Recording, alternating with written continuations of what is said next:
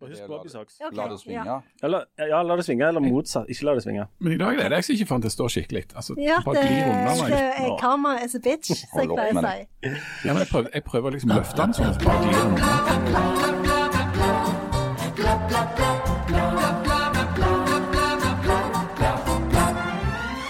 Nye meningsmålinger viser det de alltid viser. Det er på tide med et skifte. Og god arkitektur øker livskvaliteten vår, mener samfunn som stort sett smeller opp dritkjedelig arkitektur. Dessuten, Janne har en brannfakkel, og det er ikke lov å snakke om Bobby Socks-kassetter i dag. Strengt forbudt. Ikke si det.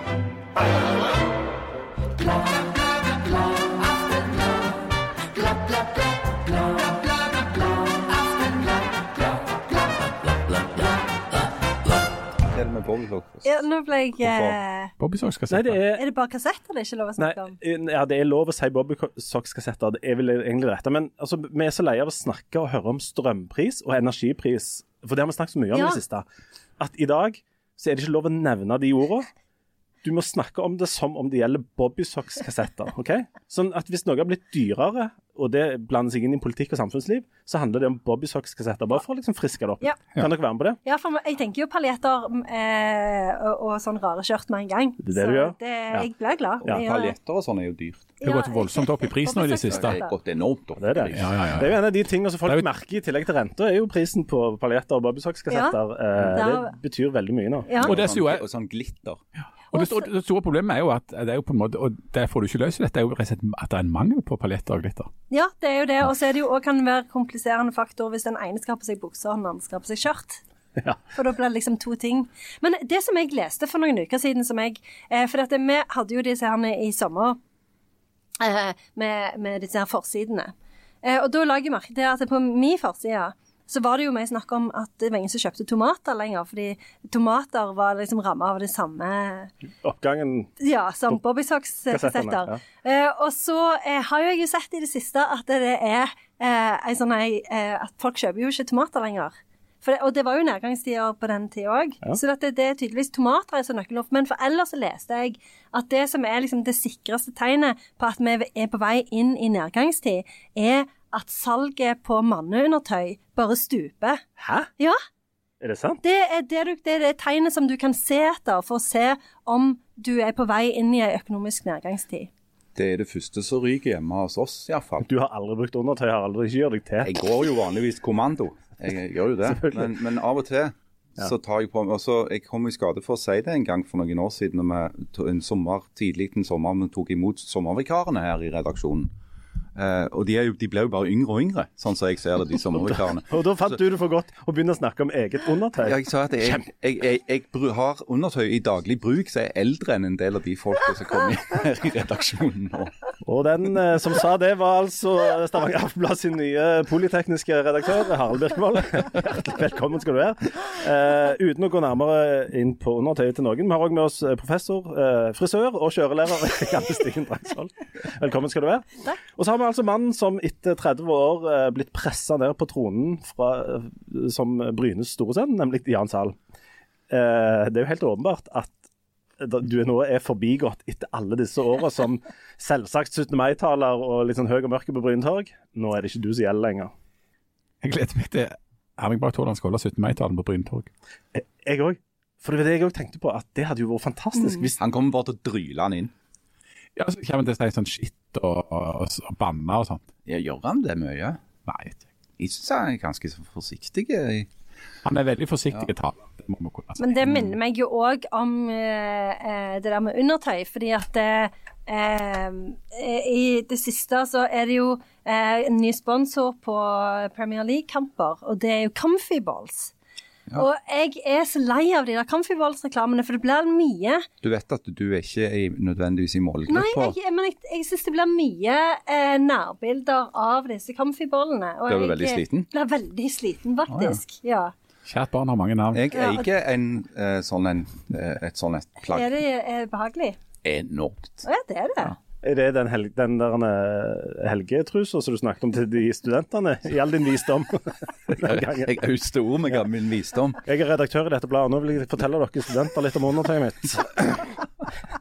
Hvor, hvordan var stemningen i, i, HR og sånne komiteer etter du dro dette? Nei, det, ble, det ble heldigvis ikke en sak ut av det, men altså, jeg fikk jo de der Det var såpass lenge siden? Jeg fikk de der litt de samme blikkene som jeg får fra de menneskene jeg har vært med og lagd. Mer sånn Pappa, gidd. Altså. Du, når du er inne på de, disse menneskene eh, du har lagd. Vi er jo nå inne i det som er høysesongen for foreldremøter. Som har lagt, lagt merke til det. Dine, foreldre, dine, foreldre, dine unger har alle, de vokste vel opp på 70-tallet en gang, men du har, hatt, du har hatt din tørn på foreldremøter, sant? Jeg har hatt min tørn på foreldremøter. og det er Altså da, i, i, en situasjon, altså Hvis du ser på verden, eh, ser på verden rundt oss, eh, så er det jo mye å bekymre seg over for tiden. Og det er mye å være Bl.a. prisen på bobbysocks-kassetter. Eksempel. Men jeg spretter ut av senga hver morgen med et fårete flir eh, i ansiktet, med tanken på at nå har jeg per definisjon ingen barn lenger. Det yngste barnet mitt er 18 år. Jeg har vært på mitt siste foreldremøte. Jeg har vært på min siste dugnad på, i pølsebua på Viking stadion. Jeg har eh, satt og prøvd å ikke rekke opp hånda på et foreldremøte for å unngå å bli valgt inn i FAU for siste gang. Alt det der ligger bak meg, og det, det er noe som er en kilde til en viss eh, glede. Jeg var faktisk på foreldremøte i går. Det er det beste foreldremøtet jeg har vært på i hele mitt liv. Fordi at jeg har en datter som har begynt på videregående skole. Så jeg var på Vågen videregående. Der starta de med, med kunstneriske innslag og at lærerne sang på en video uh, uten at det var pinlig, for de er jo gode å synge der og spille, for det er musikklinja. Men um, nei, så hun begynte på en annen linje der. Og det som gjorde at dette var det beste foreldremøtet jeg har vært på i hele mitt liv, var at det ikke skulle velges klassekontakt, og det skulle ikke velges noen til FAU. Så du unngikk all den der pinligheten og den eh, sosiale angsten som ligger limt ut på deg i alle år på barneskolen. Men var det forslag om sukkerfri skole og, og bursdager der hele skolen skulle inviteres? alt, alt det der slapp vi. Her skal det ikke arrangeres pølsefest i, i Reggen eller uh, juleavslutning med fellesleke og bli kjent med gud vet hvem. Foreldrene i B-klassen? Ja. og ingen foreldre som forlangte dere å legge igjen mobilen i bilen pga. det der 5G. Hæ? Er dette en, eh, en reell opplevelse fra et foreldremøte? Fortelling fra mitt liv. Er det sant? Oi, oi, oi. Det er så mye forskjellig. Det er så mye forskjellig. Men Janne, du er jo en entusiast på dette feltet. Er det av dårlig samvittighet, eller er det fordi at eh, du liker altså Du har jo profilert deg først og fremst som sånn FAU representant, eller klassekontakt, eller ordenselev, eller hva det er for noe. Men eh, syns du det er knallkjekt, eller er det samvittigheten Nei, som gnager på deg? Nei, Jeg er veldig, er veldig redd for at eh, jeg skal ødelegge livet til disse ungene. Og at det skal komme til å treffe meg i ansiktet på et eller annet tidspunkt. Så det er bare ut av eh, den vanlige angsten for verden at jeg melder meg. Og det som er kjipt med at jeg velger meg, melder meg, det er jo at jeg er ikke noe flink til det.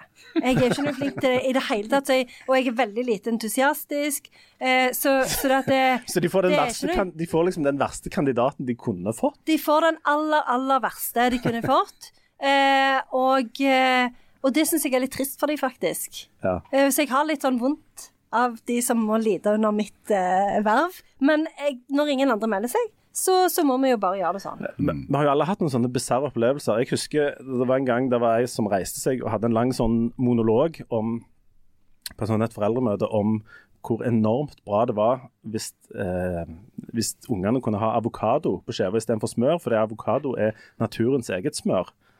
Og dette varte og rakk, og på et tidspunkt så satte vedkommende seg eh, ned. Hva er det med folk? Av, avokado er jo omtrent det minst klimavennlige det går an å stappe inn i seg.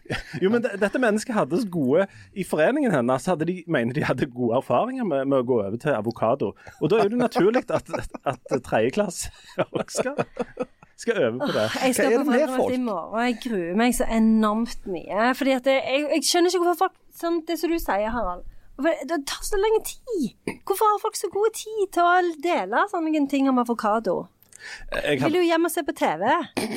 Akkurat det. Og sist, Jeg var jo, jeg var jo klassekontakt selvsagt i fjor da, for eh, en annen unge. Um, og så arrangerte vi da pliktskyldig en sånn eh, treff da, mot slutten av året. Og så kom det folk og ja, var veldig blide og, og, og, foreslo at det måtte arrangeres eh, at Hadde det ikke vært kjekt hvis vi hadde hatt sånn kveld med altså, altså, At foreldrene skulle møtes og altså skulle møtes. Og, oh. og sånn, begynte å snakke om noen helt andre arrangement på en måte. og da er det sånn, Ja vel, det, bare gjør det, du.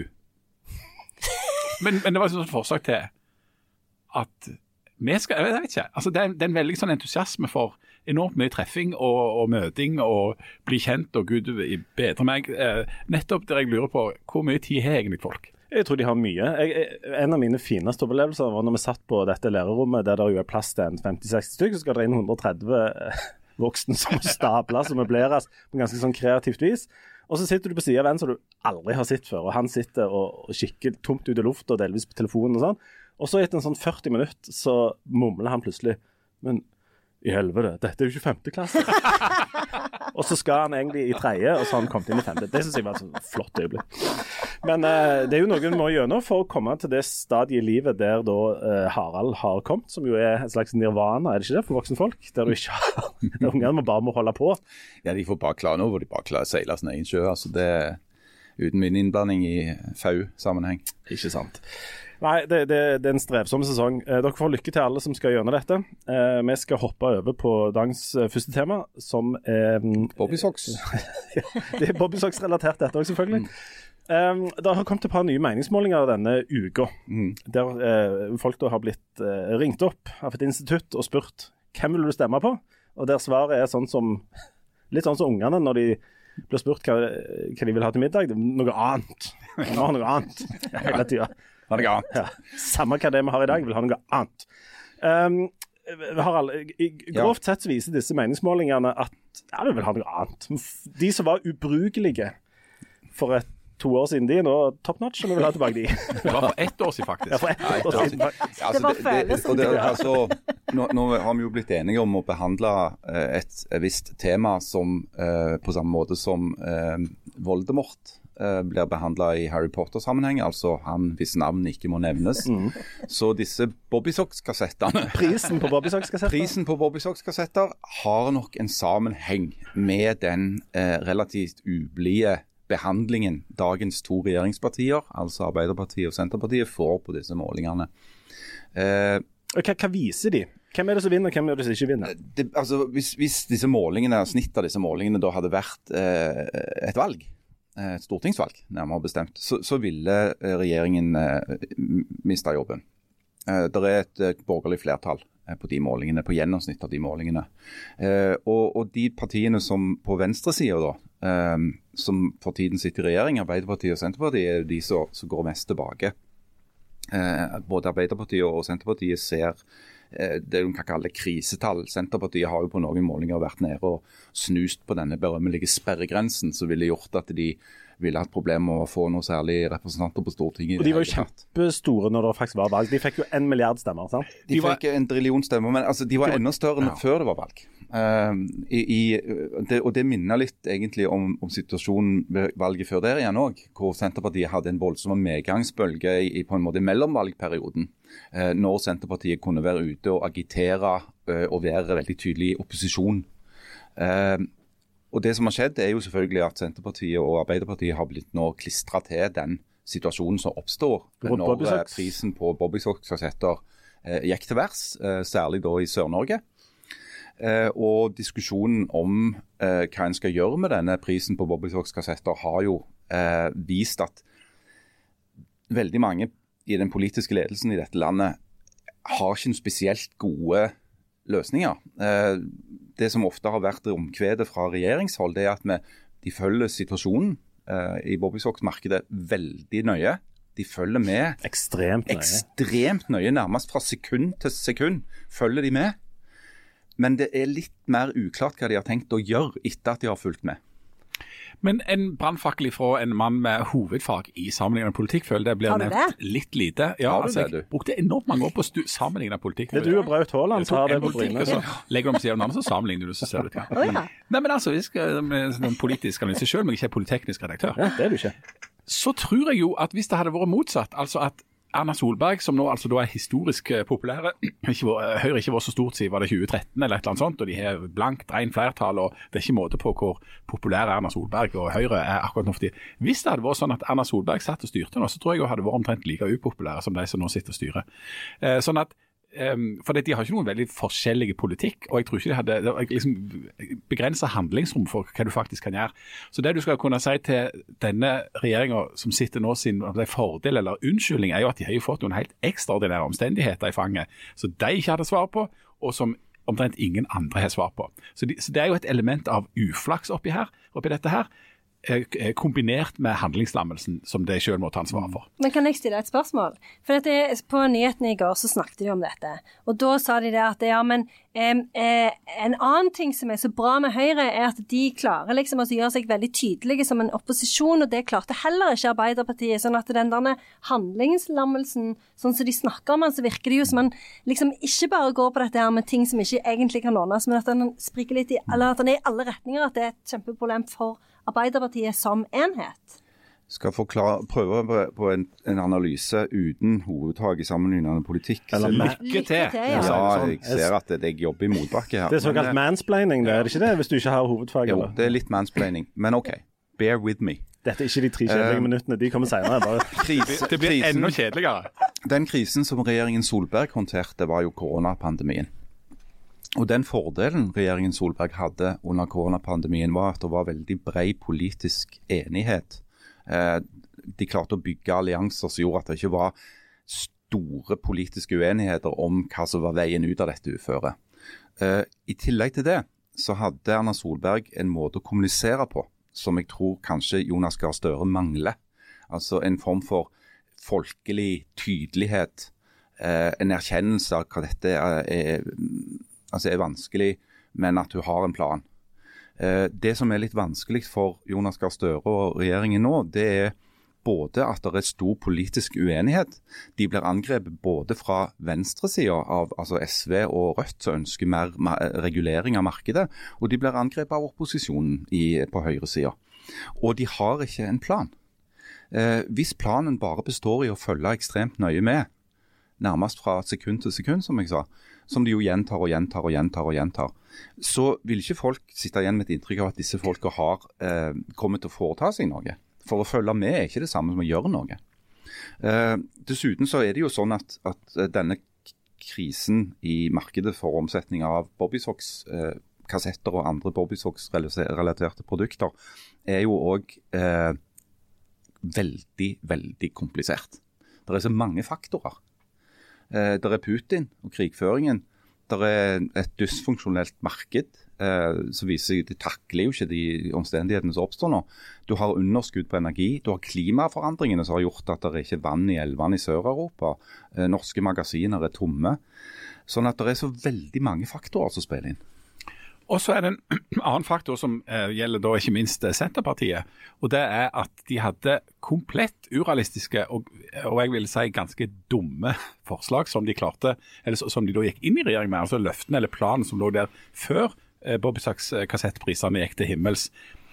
Og Det blir jo ekstra tydelig. altså Det tror jeg de ville fått et problem med allerede i utgangspunktet. Men at du nå skal i denne situasjonen bruke politisk energi på å gjøre om på politikk som allerede er gjennomført, begynne altså bruke milliarder på å å, gjen, å oppløse kommuner som er slått i sammen, på å gjennomføre en domstolsreform som ingen som f.eks. holder på med domstoler, er, er enige i, mm. eller som vil ha. Altså En sånn symbolsak som bare koster milliarder. Mm. Sånn at eh, Senterpartiet hadde jo gjennom eh, sin politikk, og, eller sin, sine forslag og, og gjennom eh, Slagsmål Vedum lagt lista så høyt for alle slags elleville ting de skulle gjennomføre, og nå skulle det jammen meg bli vei i vellinga her, at der blir fallet på en måte dobbelt så høyt. Ja, så blir det også et, uh, altså, Se på hva som har skjedd med Trygve Slagsvold Vedum etter at han ble finansminister.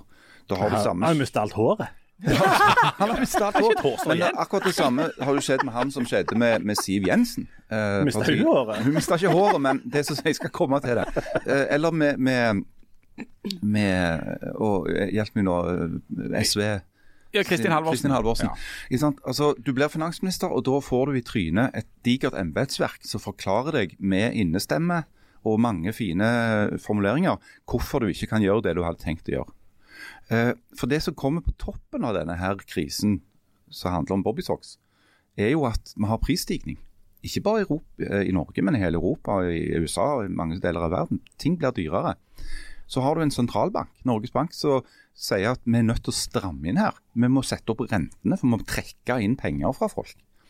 Eh, sånn at eh, alle de tingene som regjeringen Solberg kunne gjøre under korona, nemlig å kaste penger etter problemene, pøse eh, oljepenger inn i økonomien, det kan ikke denne regjeringen gjøre.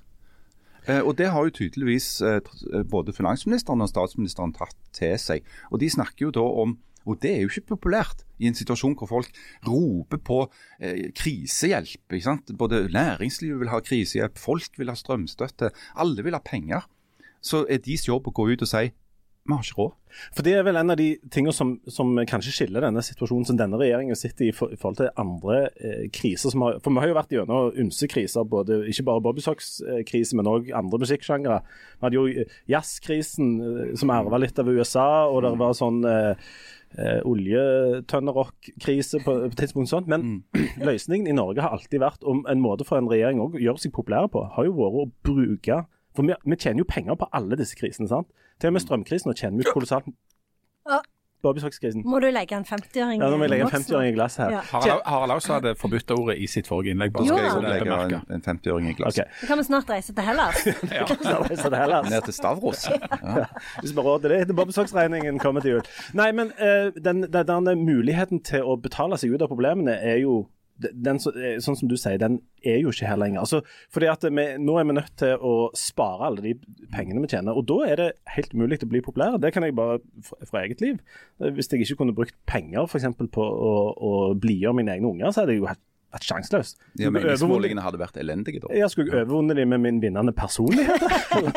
det går jo Ja, ikke. altså, for det, Hvis du sitter nå og så kikker rundt deg, så ser du jo at det er et sånn sammenfall av ganske eh, dårlige nyheter. Ja, jeg ser på deg og Janne og, ha- og Jan. Det er jammen ikke ja, men altså, dette Til sammen så ser det jo ut som en sånn perfekte storm.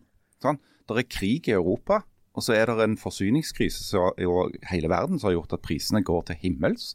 Så har du klima, eh, og i tillegg så har du politiske omveltninger som gjør at eh, demokratiet er trua mange steder i verden. Så har du et Kina som blir mer og mer eh, bøsent og militaristisk. Sånn at til sammen så utgjør dette her en, en, en miks, en slags cocktail av eh, omstendigheter som er, gjør at vi, jeg mener vi lever i en ganske farlig tid nå. Og Da er det kjempeviktig å gå løs på små kommuner og få splitta de opp igjen nede i Søgne og oppe, i, eh, oppe på Nordvestlandet der, og ikke minst få eh, eh, gjort om på f.eks. domstolreformen. Jeg, har, det, jeg vil gjerne teste en teori på, på en eller annen med hovedfag i sammenligning med politikk. For Ja. Jan. Eh, Er det ikke også sånn at det er til enhver tid en eller annen plass mellom 10 og 20% av velgerne som er kronisk misfornøyde og vil ha noen andre, og som hopper fra det ene partiet til det andre, som stemmer på Frp en dag og Senterpartiet en annen dag, og så uh, liker de best Høyre hvis det Arbeiderpartiet styrer, og motsatt. Og Er det ikke den dynamikken som gjør at vi faktisk får vekslende regjeringer i f.eks. Norge? Det er akkurat det, og det er, jo, det er det noe flott med, noe bra med, at en endrer regimet og endrer hvem som sitter og styrer. At det ikke er bare ett parti og de samme som sitter og styrer med de samme løsningene hele tida. For etter hvert så vil en, ethvert på en måte styrende regime slippe litt opp for ideer og litt opp for energi, og så vil det også oppstå en slags sånn trøtthet i befolkningen. Det er jo det vakre med demokratiet, at vi har altså eh, institusjonalisert en måte å, å, å endre makt på. Men så er det òg dessverre sånn at eh, en hel del politikere eh, går ut og sier det som da tilsynelatende virker som veldig sånne populære og enkle løsninger på kjempekompliserte problem. Og Dessverre er det eh, veldig mange folk som eh, hopper på det, og det er der du har med den der hoppinga. Så de som på en måte tilbyr de enkleste løsningene, får eh, sendt over en gjeng med velgere som sier ja, der har du kjempegod løsning på dette her. Og Da får du masse populisme, og du får eh, veldig sånn egentlig en sånn form for polarisering. da, sant? Eh, og Det har du sett eh, eksempel på for eller rundt dette med Bobbysocks-kassetter. At eh, noen parti på hver sin eh, ytre venstrefløy eller ytre høyrefløy sier ja, ja, prisen på Bobbysocks-kassetter den skal være helt, eh, den skal ha en makspris som er bare noen veldig få kroner.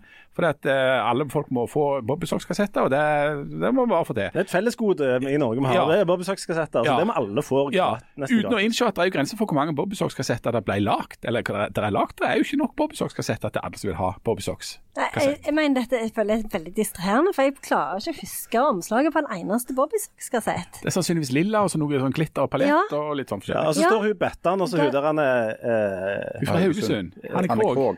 Jeg, jeg skulle til å si Hanne Haugstad, men det er hun høy, høydehopperen, det. Hanne Ja, stemmer. han, De to han, står ja. og så med litt sånn knipsete sånn, la det, De skal akkurat til å la det svinge. Ja, de skal akkurat til å la det svinge. Ja, stemmer det. Ja, Ja, de Så står med liksom hendene opp og skal Jo. akkurat til å knipse. Liksom. Nå er jeg med. Det stemmer. For de hadde jo den der dansen. Ja, ja, den var veldig tøff, den dansen. Ja, var ikke det? men kan vi bare spørre Er det noen av dere som kan nevne en annen Bobby Socks-sang Ja, enn La det svinge? Fordi at jeg eh, tror eh, jeg hadde en singel av Bobby Socks, eh, og den tror jeg heter eh, 'Waiting for the Morning'. Det er det han heter. Ja. Will we all be Be waiting for the morning. Var det de som sang den? Ja. Var det de som hadde den der 'La ilden lyse' Ja, jeg tror det. og- Ja, det Closer de. to the heart Var det Bobby Socks? Jeg Ja. var sikker på at det var en sånn innsamlingssang. Det høres ut som en Det kunne det vært. Og de hadde Det også burde det vært, I will always love you. Ja, det var Jeg er nokså 100% sikker på ikke var var, jeg tror det bare var Bettan.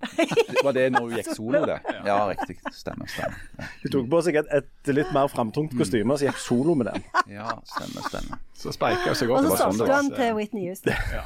Akkurat det. Solgte ut. Jeg kunne jo blitt en stor helt, men hun solgte ut til Whitney Houston. Jeg er jo alltid til å ha det imot. Nå havna vi litt sånn ut på Nå, må vi, nå Men vi var jo down memory lane. Vi var det. det ja. men nå trenger vi en pause til å hente oss inn. Ja. Og når vi kommer tilbake igjen, så skal vi prøve ikke å snakke mer om Bobby Socks-kassetter, men vi skal snakke om eh, en hel haug med andre ting som har lov å eh, nærme høyt. Vi er snart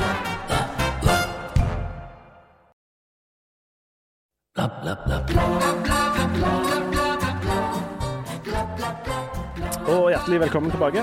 Um, dere trodde gjerne det var kjedelig før pausen, men nå Nå skal vi gire opp et hakk. Nå jævla. Nå skal, nå skal de få høre. Det fins jo utrolig mye kjedelig i verden. er altså. Ekteskap og forsikring og Foreldremøter. foreldremøter. Fau. Ja. Finne ut hvilken støvsugerpose som passer til din støvsugerpose etter du har kjøpt Det er feil. Å, fytti grisen. November, desember, Mile 92-3. januar. Ja. februar, Deler av februar. mars. Sånne folk, ser bra, jeg liker juli, Mars egentlig. sånne folk i selskapslivet som kommer bort og sier ja, vet du hvor mye kaffe det egentlig skal være per gram varmt vann når du lager kaffe? Det er forskjell på det, altså. April. Og så har vi jo dette med Og så har vi dette med formannskap. Formannskapsmodellen versus byrådmodellen. Nå sovna Janne. I alle men der var dager vi igjen. skal vi seriøst snakke om det. Nei, ikke vi. Ikke vi. Men uh, vår uh, redaktør uh, Jeg fikk et lite drypp. Jeg husker ikke hva du sa engang. Hva var det du sa? Det var derfor jeg fikk et hjerteinfarkt sist Du er lam i deler av kjeden nå. Det kler deg. Janne sitt ansikt har begynt litt på sida. Det ser jeg litt. Jeg føler meg helt død. Du ser kanskje ikke så synkron ut, men det er greit, det. altså. Nei, men fra spøk til alvor. Det fins Jeg kan ikke tenke meg noe kjedeligere egentlig enn å snakke om disse to forskjellige marginalfors... ja, modellene å styre en by på. Men dette er på et eller annet nivå viktig. Men vi trenger ikke skal du, Om du skal snakke tre minutter om det? Ja. Jeg visste ikke det før nå, men Først skal, skal skal sånn det være, først skal det være jingle. Å ja.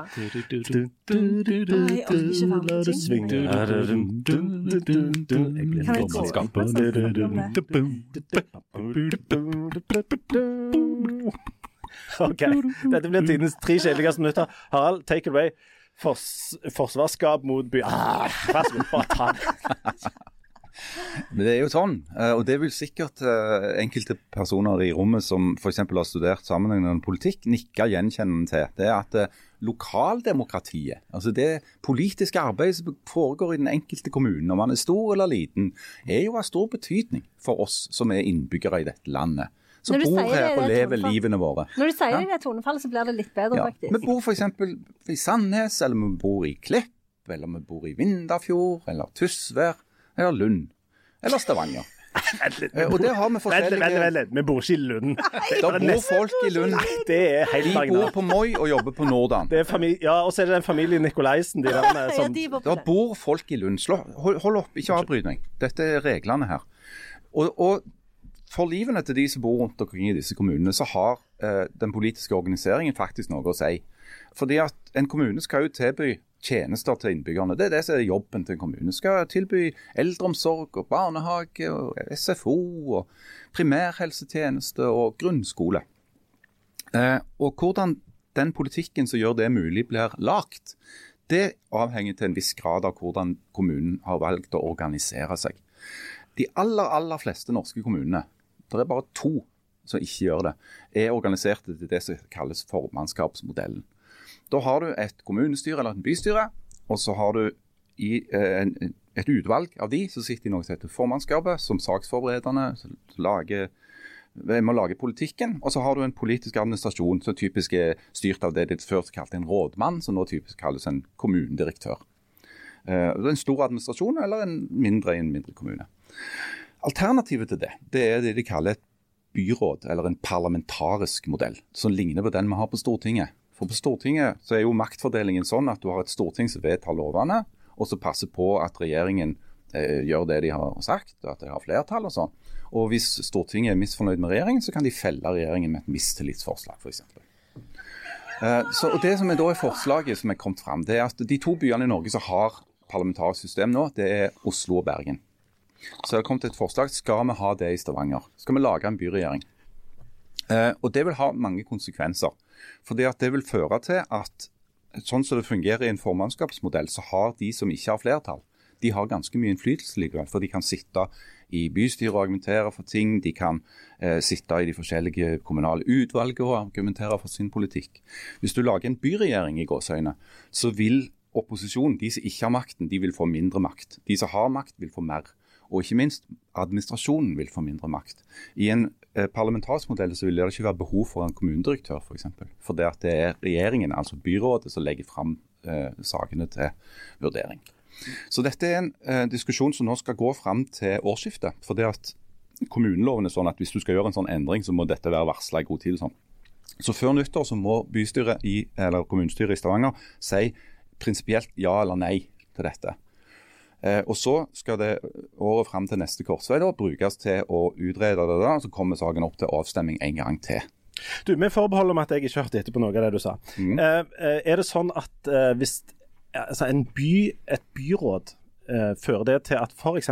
hvis eh, Arbeiderpartiet får makta, at de kan gjennomføre mye mer av sin politikk mye fortere, fordi at det er færre som klager på de og gnager på de og skal ha et ord med i laget. Det, ja, det, altså, det, er jo det som er noe av hensikten med det, da, at, at gjør det mer effektivt. og, og, og og ansvarliggjør politikerne i større grad. Fordi at uh, I de fleste kommuner, inkludert Stavanger, så har administrasjonen i dag ganske stor makt. Det er de som er saksforberedende, de som eier sakene. Og de er ikke politikere, det er ansatte? nei, de er ansatte. Uh, de ledes nå av kommunedirektøren i dag, Kristian Vareide. Og så har han sin store stab av skolesjefer og uh, barnehagesjefer og alle slags sjefer og alle slags avdelinger som holder på. Og det er klart Du vil jo fortsatt ha en administrasjon hvis du har en byregjering, men da vil det være en, en statsråd i gråsøyne. Sant? Eh, en byråd for et bestemt område. Byråd for oppvekst. Eh, si det hadde vært med dagens modell, så kunne det f.eks. vært Dag Mossige eller Eirik Fare Sakariassen eller en av de andre politikerne. Og Da kunne han opptrådt mer som en statsråd gjør i regjeringen, som er den øverste sjefen for sitt departement. Er du for eller mot å bytte til dette i Stavanger? Jeg vet ikke hva jeg mener. Uh, fordi at jeg, Det er derfor du har den jobben. Ja. Nei, altså greia er at Jeg tenker at nå er vi i en fase hvor vi må hente inn informasjon. Uh, og Det har blitt levert en uh, ganske god og lang og grundig rapport som peker på fordeler, ulemper, plusser og minuser. Uh, I den framgår det f.eks. at dette vil, hvis de skulle lagt om systemet, så ville det vært en merutgift for kommunen på ca. 12 eller 14 millioner kroner. Jeg tror det var 12 i året. Som er jo ikke så kjempemye i en kommune som har et budsjett på langt over en milliard kroner. Men har det noe med Bobbysocks-kassetter å gjøre? Nei, ingenting. Nei. nei. Men for å lage en slags bru til Bobbysocks-kassettene, det vi snakket om før eh, pausen, noe jeg tenkte på når det gjaldt dette med disse meningsmålingene. Det er jo ikke sånn, altså det blir jo ikke stortingsvalg eh, i Norge før om tre år. Eh, og Sånn sett så er disse meningsmålingene eh, nå i høst sånn av middels interesse. Men det er bare ett år til det er lokalvalg. Og Spørsmålet er jo om den upopulariteten som regjeringa opplever på nasjonalt nivå, òg vil spille over på lokalvalg. Jeg så i en uh, Facebook-oppdatering til en uh, Arbeiderpartipolitiker her, nå, her om dagen som liksom skrev om og, og Team Kari, Nessa Nordturen og liksom Arbeiderpartiet alt dette. Og I kommentarfeltet der så var det enormt mange som skrev at det er totalt uaktuelt for oss å stemme på Arbeiderpartiet lokalt neste år, fordi at de gjør det så dårlig i regjering. Ja, det er jo den smitten. Ja. ikke sant? Og, og det, Nå vil det jo ikke være så veldig lenge etter at denne podkasten kommer på lufta. Så kommer det jo meningsmålinger på lokalplanet eh, som handler om hva folk ville stemme lokalt. Eh, og De er jo spennende å se om du får en sånn smitte fra de lokale, eh, nasjonale til de lokale målingene. Jeg, vanligvis er det jo sånn Altså Hvis eh, bjellesauene som sitter i regjeringen eller på Stortinget sliter, så sliter de òg eh, både regionalt og, og lokalt. Eh, så det blir veldig interessant å se. Harald, du nevnte jo at uh, dette med uh, prisen på Bobbysocks-kassetter uh, er ekstremt komplisert for, for, folk å forstå, og til og med for politikere å forstå. En, en sånn en ting som å bytte mellom, fra formannskap til byråd f.eks., er jo òg uhyre komplisert, og det er masse sånne fine nyanser der og sånt. Er det noe som en kan forvente at folk skal ta noen slags stilling til, eller er dette noe bare de der politikerne og de der kommuneansatte bare må ordne seg til, og ikke vi skal bry oss om? Jeg tviler vel på at dette er en sak som kommer til å føre til et enormt folkelig engasjement. Altså det, det, er ikke som diskusjonen om bompenger eller uh, prisen på Bobbysocks-kassetter. Dette er mer type kirkevalget? Det, det, det, er mer, det, er litt mer, ja, det er litt mer teknisk enn som så. Uh, men jeg tror jo at altså de som er litt interessert, litt mer enn middels interessert i politikk, de vil synes det vil være interessant. Og så er det jo noen sånne elementer av jeg vet ikke helt hvordan jeg skal formulere det, men det, det er jo noen som mener at siden de har de store guttene altså Oslo og Bergen har det, så burde vi òg ha det, sånn at vi òg var en av de store. Um, jeg, jeg er enig i. Du er enig i det, ja. du? Ja, de har jo òg uh, sosiale problemer og mye mer å rappe om, som Gary ja, sier i. Ja, de har mye mer å rappe om. Uh, det har de. Uh, ekte kriminelle. Ja, men jeg, jeg, vet ikke hvor mye vekten skal legge på det ønsket om å være liksom, en av de store. Nei, men jeg heller, jeg heller hoppe over på noe som faktisk eh, liksom opptar oss eh, egentlig alle, uten at vi gjerne snakker så veldig mye om det. For eh, en ukes tid siden Jan, så var du ute og intervjua eh, arkitektkontoret Helen og Hard intervjuer gjerne ikke selve kontoret. Hvordan intervjuer du et kontor? Jo, du bare her, her skal du kontor, og så Nei, du, du, fant jo noen ansatte der eh, så du ansatte, eh, ansatte så du intervjua. Fant du ikke sjefene?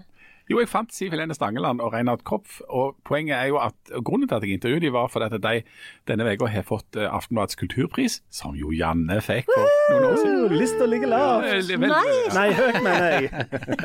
ja, men Det er noe gjevt som Aftenbladet har delt ut siden i 1951. Den første som fikk han var f.eks. Fartein Valm, eh, komponisten som ja, en som... konsertsal i dag er oppkalt etter. Men, men, men, det er noe fancy. Men, men eh, og, og Helen og Hard har nå fått den prisen nå i år, og de har markert seg egentlig i Stavanger i ganske lang lang tid, både Stavanger og Norge. Eh, og har altså, og, og, og, utenlands. De, var altså, de fylte hele den nordiske paviljongen på arkitekturbiennalen i Venezia, som er på en måte det, så høyt du kan komme egentlig i sånn arkitekturting. Det er som å være nominert til Oscar. Eh, så Derfor så snakket jeg med dem både om det de selv eh, har holdt på med, men også liksom hvordan de tenker rundt arkitektur. og Det er ganske interessant. for det at Arkitektur er jo noe vi omgir oss med, og som vi lever i, og som vi forholder oss til men sannsynligvis veldig lite aktivt, egentlig. Du går ikke rundt og tenker veldig mye på, på materialene eller rommene eller strukturene som er rundt deg. Og Ikke før du kommer inn på en plass der arkitektene virkelig har liksom fått boltra seg, for da legger du fort merke til mm. litt sånn wow, her var det, dette var fint, og her var det godt å være og sånn. Mm. Um, og de sier jo noe interessant der om at uh, arkitektur uh, kan gjøre livet til folk bedre, som jo høres ut som det, sånn som Erling Braut Haaland kan si i en 17. mai-tale på Bryntorg, men som det er noe sant i. Uh, ikke sant, Harald? Jo, og jeg tenker også at når det gjelder med sånn arkitektur og folkelig engasjement, så er jeg enig i at de fleste, de fleste, tenker nok ikke så veldig mye over det når de beveger seg rundt i byen sin eller i nabolaget sitt sånn til det daglige. Men vi merker jo det f.eks. på at det er et ganske stort engasjement rundt byutvikling. Eh, F.eks. debatten om hva som skjer i Pedersgata eller på, på Nytorget. Eh, debatten for og imot å endre fasaden på rådhuset. Eh, debatten for og imot å rive et sjøhus nede i gata her for å bygge et nytt forretningsbygg. Da oppstår det et engasjement, for det folk er faktisk opptatt av hvordan byen ser ut rundt seg og sånn. Så er det selvfølgelig noen som er mer opptatt av det enn andre. Og det er jo alltid en sånn journalistisk utfordring. For det at hvis noen få, eller relativt få, er veldig engasjert i noe, så kan du få et inntrykk av at det gjelder alle. Det er jo ikke nødvendigvis sant. Men det er mange nok til, som er veldig interessert i arkitektur og byutvikling til at det gir interessante debatter. Og, ja. Nei, og på, på, Sandnes gjerne, er jo, Vi har jo snakket om, om um, ja, ruten, ruten, ruten, på Sandnes ja. eh, veldig mange ganger. Men det er jo et eksempel på at, eh, at en, en sånn, sånn, et grep, sånn bygrep eh, av arkitekter kan gjøre enormt mye. Ikke bare for liksom, selve plassen, men måten du snakker om en by og liksom omgivelsene på? Er det, er det ikke slag? Jo, jo, og det er jo I Sandnes har det jo skjedd kjempemye de siste 30 årene. Og kanskje liksom kjempemye de siste fem årene. Eh, fordi at Sandnes, når jeg vokste opp, så var det jo ikke noe sånn hyggelig sted å være. Det var jo en by som bare var eh, bygd på innfallsmetoden. Altså nå trenger vi et bygg for å liksom lagre noen sykler. Ja. Uh, og så uh, lagde de det. Så, uh, så, det er jo først de siste årene at en har begynt å tenke at byen skal være, bestå av rom hvor det er godt å være, sånn som du sier, Jan. Og det har jo betydd utrolig mye for Sandnes, og det ser en jo allerede. Jeg bor jo i sentrum, og jeg ser jo det, hvor enormt mye mer folk der er i sentrum enn bare for et par år siden. Mm. Ja, jeg tenkte òg på det området som på en måte er felles for kommunene på, i vår region, er jo Forus. Det er et flott område. Eh, ja, men Forus er et veldig interessant område. For det Forus ble jo bygd på litt samme måten som Sand, du nevnte Sandnes, eller Østre bydel i Stavanger. Det var, eh, det var funksjon. Sto var høyere enn form. Du trengte et bygg, et lager. Så lagde du et lager. Det er en firkanta kloss av betong. Eh, og så hadde du kontorlokaler der du skulle få plass til en masse folk som skulle jobbe i selskaper som skulle holde på med olje, f.eks. Da var jo funksjonen som var det viktige. Og veier inn der, sånn at folk kunne kjøre, parkere ut forbi, gå inn og jobbe, gå hjem igjen. Og så har det nå, etter hvert, så har byplanleggerne og arkitektene og de rykt inn og begynt å lage en områdeplan for Forus der de snakker om grønt drag og eh, myke trafikanter, og blitt mer oppmerksomme på at arkitektur òg skal være estetikk og det skal være fint og sånn. Og Så kommer det en interessant debatt. Hva er det vi egentlig bruker Forus til?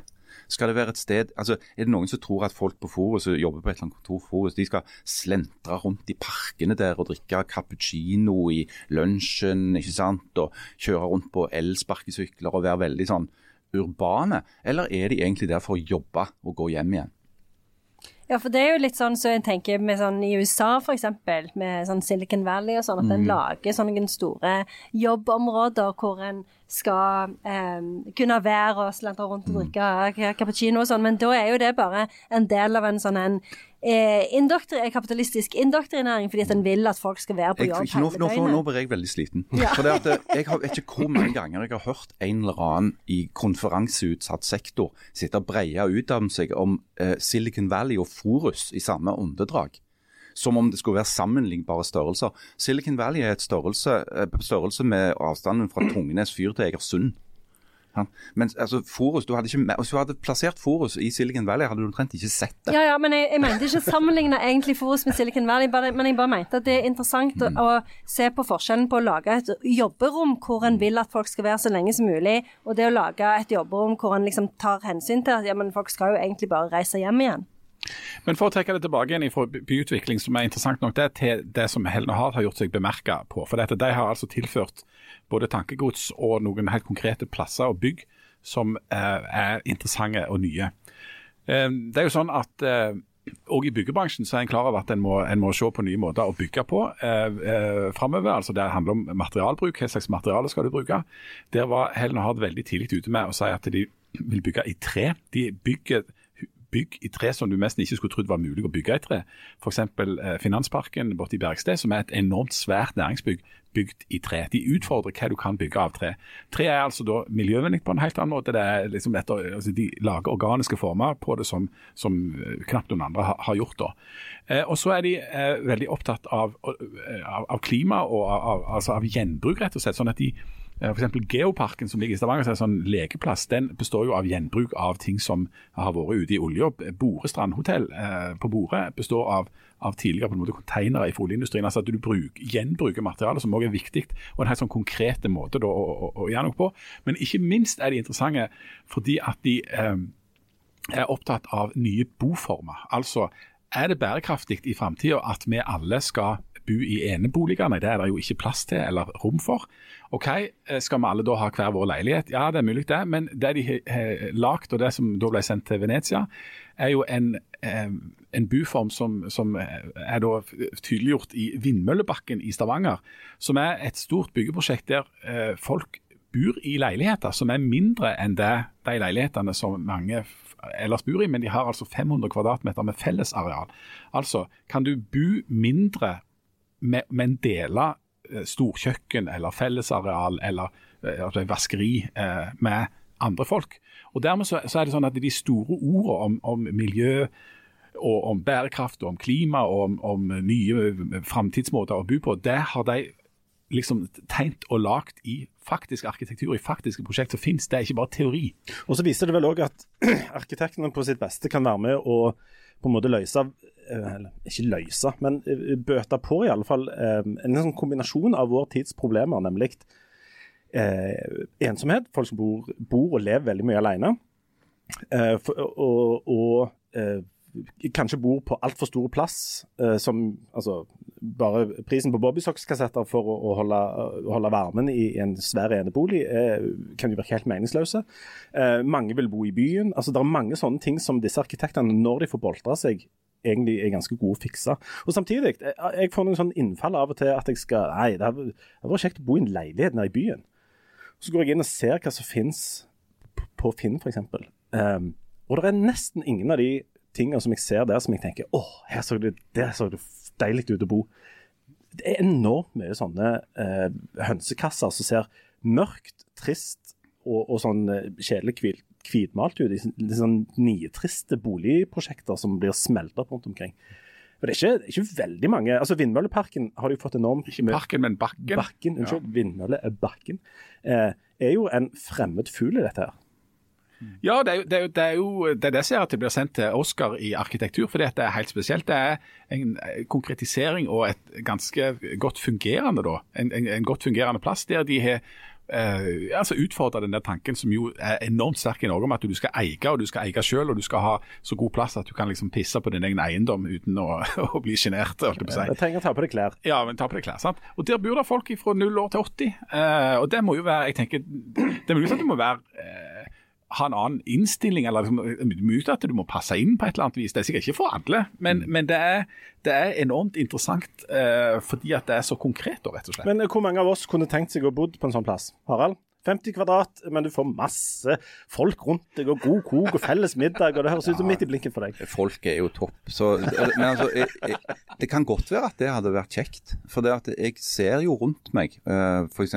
på en foreldregenerasjon som bor i hver sin enebolig eh, som de siste 40 åra har vært bare for de to. Og etter hvert, kanskje etter naturen går sin gang, bare for én. Eh, og at det er en egentlig ganske dårlig utnyttelse av ressurser. Eh, og Dette handler jo òg om framtida. Eh, hvis du bare tar dagens befolkning her, og så ganger du den opp og sier at den skal øke, og alle skal ha hver sin enebolig, så vil det ikke være plass til det. Hvis vi samtidig skal ta vare på f.eks. matjorda.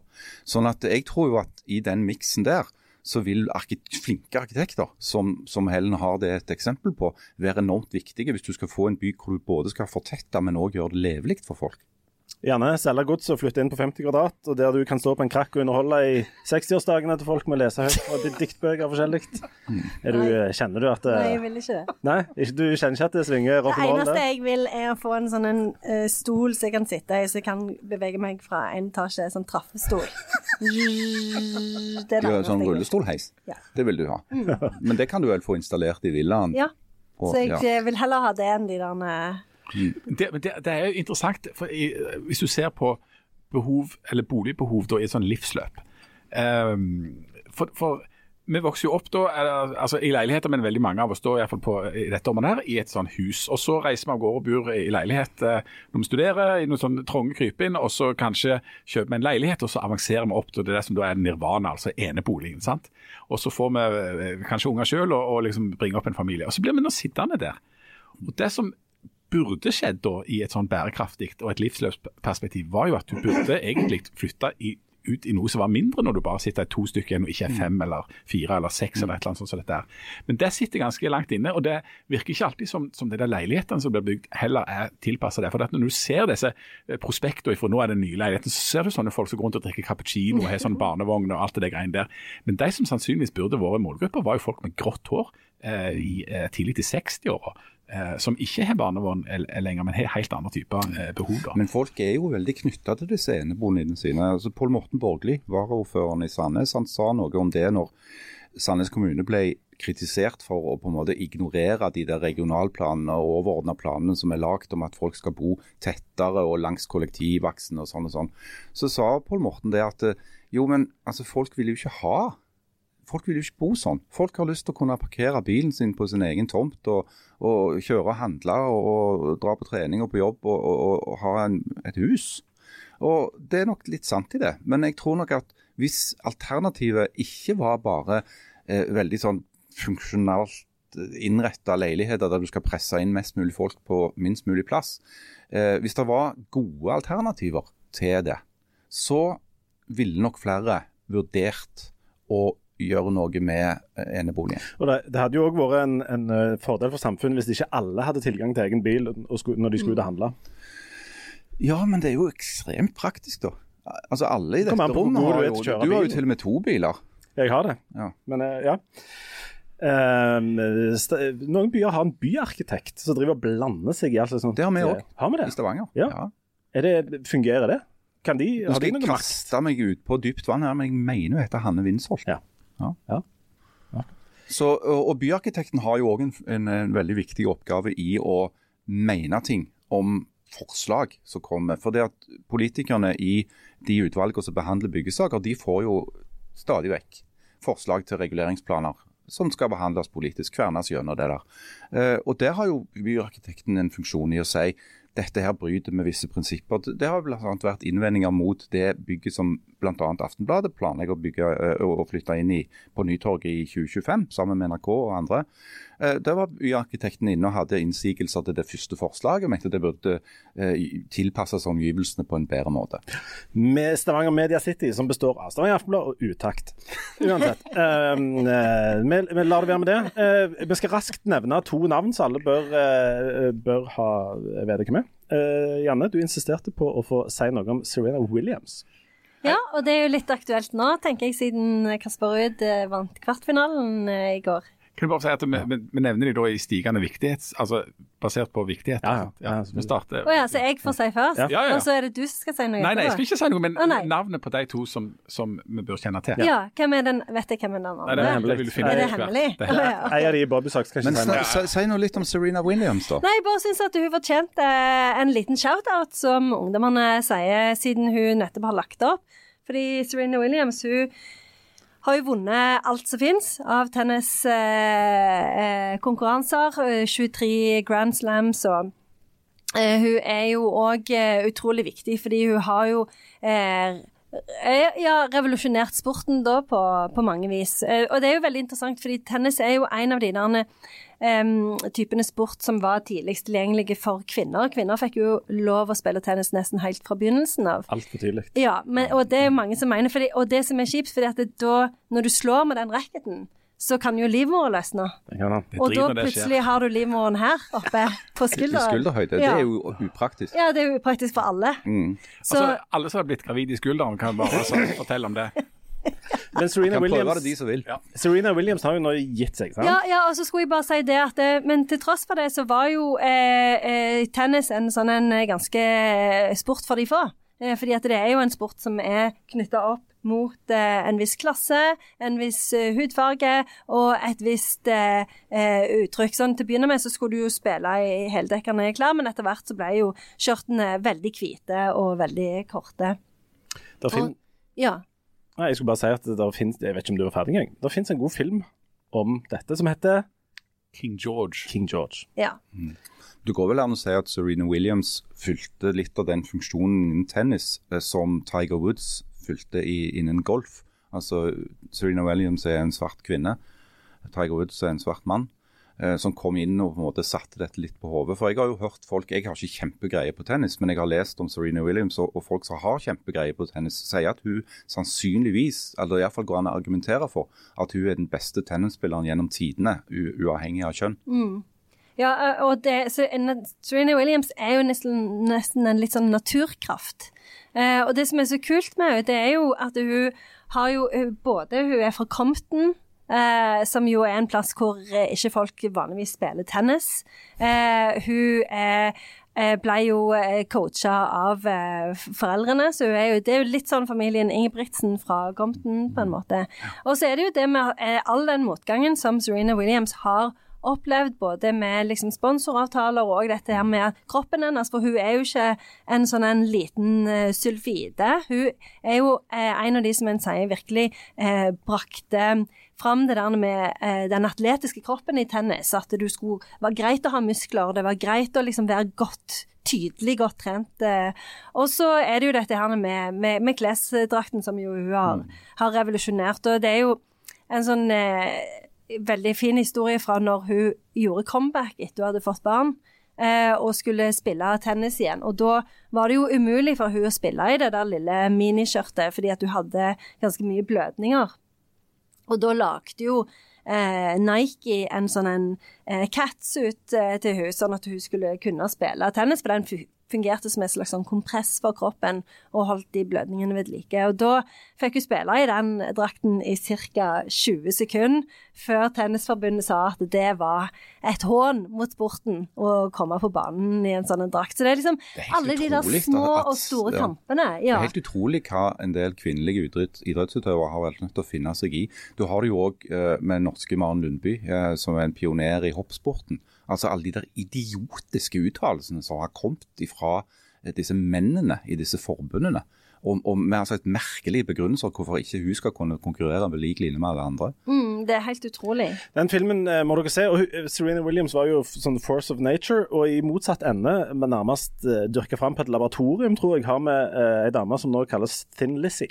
Ja, for dette, nå, nå, tok vi det viktige først. altså Jeg pensjonerte tennisdame fra Compton. Eh, så nå bare i en sånn parentes. Ja, Men hallo, hun er jo et ikon. Ja, hun er det. Ja, ja, ja. Det er, ja, men det er det jeg sier. Ja, for det er hun som er viktig, men bare som i en sånn parentes helt avslutningsvis. For det syns du var ironisk, Jan? Ja, nei, nei, nei, nei, jeg var ikke ironisk. Tvert imot. Nå, det, nå kommer mat, sånn, bare sånn parentes.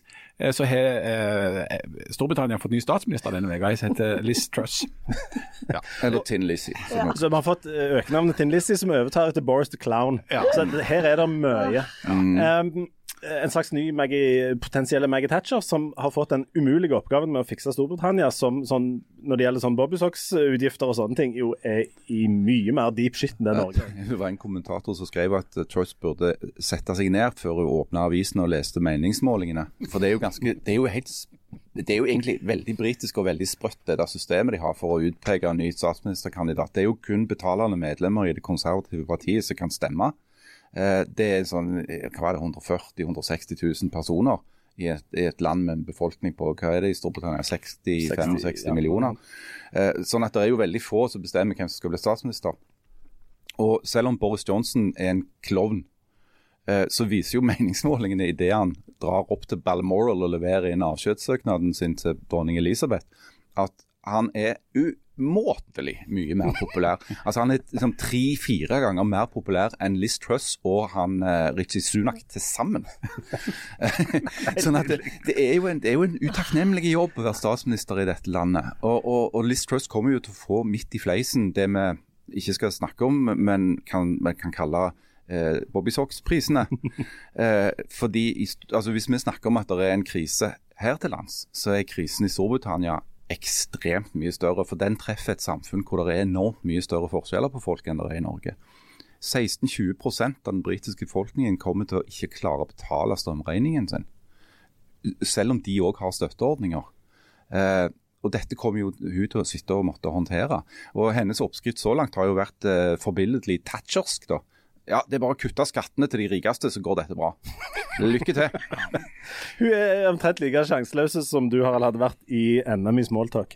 Um, nei, og den talen som hun hadde i Downing Street i, i går, det, det, er det rareste jeg har sett. Det var liksom tre punkter som gikk ut på sånn I will fix this, I will fix this, and I will, I will also fix, fix this. Ja. Mm. Men, men det, det, tyder på at um, jeg er ikke så veldig glad i denne kjønninga hele tida. Men, uh, men, det er helt, altså det er, det er jo topp stemning at og ikke noe oppsiktsvekkende, men hun er jo ei, ei god rekke av kvinnelige statsministre i Storbritannia, eh, som jo er et svært land og et viktig land. sant? Mm. Eh, det, har det noe å si? Nei, jeg tror ikke det. Nei. Hun er, det, var mer sånn final, Any Final Words-aktige tale, det der, var det ikke det? Jo, det var det. Ok, eh, Men svaret på quiz-spørsmålet eh, hvem er det som er nye statsministeren i, eh, i England, og hva er kallenavnet? Altså uh, Liz Truss, uh, populært kalt Thin Lizzie. Korrekt. Og uh, helt til slutt i dag uh, har vi en brannfakkel fra Janne Stigen Drangsholt. Og Janne har gleda seg sånn. Ja. Som et barn til julaften. Det er så vanskelig med hot topic. ja. For det Først så var det sånn jeg tenkte sånn Å, jeg må, kan vi, kanskje jeg kan finne på noe med sparkesykler? Eh, for Det er jo lavt- hengende frukt Det må jo være lavt. Ja, så det var det jeg følte. Ja. Og så var jeg, tenkte jeg sånn Squash. Liksom, hva er poenget med squash? Tenkte du, tenkte du grønnsaken? Nei, Grønnsaken. Ja. Sånn, er det vits, liksom? Nei, det er mer, det er mer sånn underholdning i en 50-årsdag eller noe sånt på en krakk. Kom igjen, men hva kom du frem til? Ja, og så Hva var det ellers jeg tenkte? Jo, jeg tenkte òg på hva som er vitsen med det der lyset i bil, bak i bilen. For det kan du ikke skru på, egentlig. Du, Var du inne på tanken sånn Er det noen fra Moss her? Altså, jeg endte opp med dette. OK. Um, at jeg syns at alle Jeg syns at alle må slutte å bruke humor. Hæ? Emojier når de skriver sånne meldinger og sånn. For det er så lett å misforstå. For det, og det er veldig mange som bruker den der psyko, psykopat, eh, psykopat-emojien. Eh, Smile blunkefjes. Nei, smile blunkefjes, det er jo mer sånn sexy emoji, tror jeg. Og det er nettopp det som er problemet. Det er nettopp det som er problemet. Hva Slags det er så- sexy Nei, greie du smile er. det Det er ikke jo- sexy emoji. Eh, Jeg mener at smile blunkefjes det er et klart tegn på psykopati. Nei, psykopatiet er det der smil med munnen igjen. En vanlig smil. Ja, sånn bein. Ja, sånn uten å ha vist tenner. Det er jo psykopat-emojien. Sånn som det, liksom. Ja. Du, men du, jeg, jeg er litt Proves my point. Jeg er jo litt enig. Jeg, jeg bruker jo Jeg var helt frika. jeg bruker jo ikke emojier. Nå sitter Harald og smiler, Ja. smiler sånn som han pleier å smile. Han ser ut som en galning. Jeg bruker jo ikke emojier, men jeg mener at den største faren ligger ikke i å bruke emojier, men å bruke de på tvers av generasjonene. Ja, det, det er det som er kjempefarlig. fella. Ja. Skal jeg fortelle en historie fra mitt liv? Ja. Jeg fikk en henvendelse fra et barn jeg har uh, hatt ansvar for uh, og vært med og lagd. Uh, og så svarte jeg, og nå siterer jeg ordrett, OK, punktum. Ja. Nei, men Ja. Fikk svar i versaler. Hvorfor er du så sur? Jeg visste ikke at jeg hadde gjort noe galt. Ja, men det, ja, det er vi jo diskutert Men før. altså. tegnsetting har vi snakket om. Men, men det er emojier jeg syns er problematisk. og- Men jeg er enig i at det har med generasjoner igjen. For dette, sånn så de foreldregenerasjonen vår, de skjønner jo ingenting av emojier. Så de sender jo liksom eh, Alle emojier bare i Ja. Hæ? Hva sa Ja, du? de kan jo komme til å sende ting som betyr uh, unevnelige ting Ja. på sånn ungdomslikt. Men jeg syns det er veldig stress med emojier. Jeg blir veldig sånn syns, det, jeg blir, syns folk er veldig masete når de bruker emojier, og syns det er jeg blir ofte lur, øh, altså jeg lurer på hva de egentlig mener. Frank Rossavik i Aftenposten, som er enda surere enn meg, han har jo skrevet en hel bok, eller en slags pamflett, om emnet, så jeg tror han kalte for smilefjestyranniet. Eh, jeg mener det er et felt der dette særlig gjør seg gjeldende, og der alle emojier bare må vekk umiddelbart. Og det er en slags sånn offisielle kommunikasjon eh, sånn relatert til sånn arbeid, eller med det offentlige.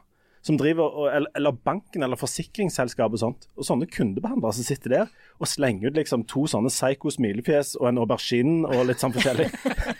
Det vil, når du, når du Ja. driver og diskuterer innboforsikringen din, eksempel, så vil du ikke ha sånn greier. Auberginer. Nei, du vil ikke ha det. Eller sånn Eller peaches. peaches. Ja, peaches, det er, alle vet jo hva det er. Vet du hva? eh, Folk må jo bare slutte med det. Ja, De må ta seg sammen igjen. Det. Det var det som var min brannfakkel. Ja. Ja, Men var dette kontroversielt? Hot take. Det er hot take. Problemet er at hvis du, hvis du ikke bruker det, så framstår du så sur. Altså, du, i frykt, du bruker emojier i frykt for å ikke bruke dem. Altså, det du som må, er så sykt, altså Hvis du bare skriver en melding med, uten skrivefeil, med Ja. korrekte tegnsetting, Mm. så blir du betrakta som, som om det er noe gale med deg. ja. Så Derfor slenger du på et hjerte, en hoppende bamse og en sånn en aubergine i slutten i tilfelle. Ja, i tilfelle. Ja. Jeg bruker litt emojier. Er det ingen av dere andre som gjør det? Jo, jeg må jo det, for det er pga. samfunnet, som Leif Tore sier. Ja, altså at det er individ og, og samfunn, Altså så forholder du, Du til samfunnet. Ut og, ja, du Jeg føler meg pressa til det. Jeg, jeg, Jeg bruker det til sånn uh, unger som sier god natt, som gjerne er en annen plass. Og når de skriver 'sett et hjerte på', så må jeg òg gjøre det. Og så er det hvis kona er på sitt mest koselige, noe hun er absolutt hele tida, så føler jeg òg at da må jeg sende sånn aubergine og litt sånn fonteneaktige greier. For det betyr jo at du er glad i folk. Det betyr at du er glad i folk. Gjør det ikke det? Jo da. Jo da. Mannen min bruker bare én emoji, og det er tom, tommel opp. Tommel opp. Ja, Men- På alt. På alt. Ja. Så når du liksom skrev 'jeg har kjørt utfor en kant på, på uh, Meny på Sandve', så tommel opp. Men jeg, jeg har sendt tommel opp, jeg pleier å sende tommel opp med en brunere hudfarge enn min, min egen. Og da har jeg blitt eh, sånn eh, anklagt av, av de woke for eh, Da er du psykorasist. Ja. ja, sant? Ja. Jesus Christ. Du visste jo ikke at du hadde gjort det engang. Jeg visste jo ikke det. Nei, Nei, så- det er jo jeg fort gjort. Og tommel opp er det neste som kommer til å bli sånn. Da er du psycho. Hvis Ja. du bare tar tommel opp. ja, ja, er- for da er du, så, ja, da er du psycho. Ja. Og så har jeg begynt å bruke eh, eh, en del, for jeg eh, har blitt ganske glad i denne her den nye Ringenes herre-serien. Den er ganske fin, da. Den er veldig fin. Så da har jeg begynt å sende litt sånn alve...